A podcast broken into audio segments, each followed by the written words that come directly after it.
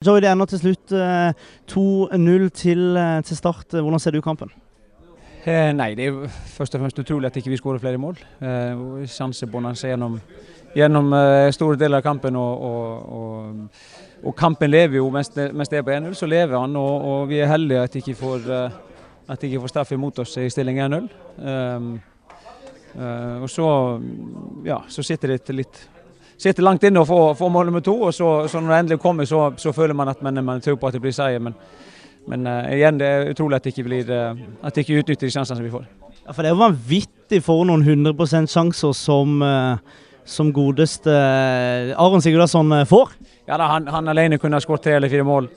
Og, og, så er det flere åpne sjanser vi får. altså Store store sjanser som vi får der som, som, ikke blir mål av. Og, og, så Jeg tror nok Aron sitter med en litt, litt, litt dårlig følelse akkurat nå, men, men han, han, han, er jo farlig. og Han, han har jo bidratt stort for oss så langt og, og kommer til å få styre. Men Hva tenker en trener når en, en, spiller bommer og bommer? Er det sånn at Vurderer man å tenke at uh, her kan vi kanskje bytte han ut?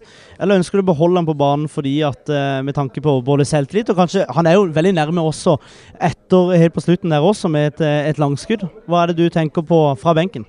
Jo, det er jo, det er jo litt det at, at, man, eh, at, det er målpoeng i, i Aron. og, og, og Vanligvis så skårer han på sånn, sånn type sjanser. Og, og, og, jeg følte ikke det var riktig å, å ta han av banen pga. at han, at han sjanser. Man kommer til de sjansene, og, og det, det, er, det, er, positivt i hvert fall. Og så, så er det bare å få terpa på, på å sette det i mål. Vi har snakka mye om at kamper kommer tett. Nå er det Skeid til torsdag, Raufoss til søndag. Raufoss tenker vel nok ikke du så veldig mye på, hvis jeg kjenner deg rett, men eh, Skeid-kampen, hvordan, hvordan ser du den?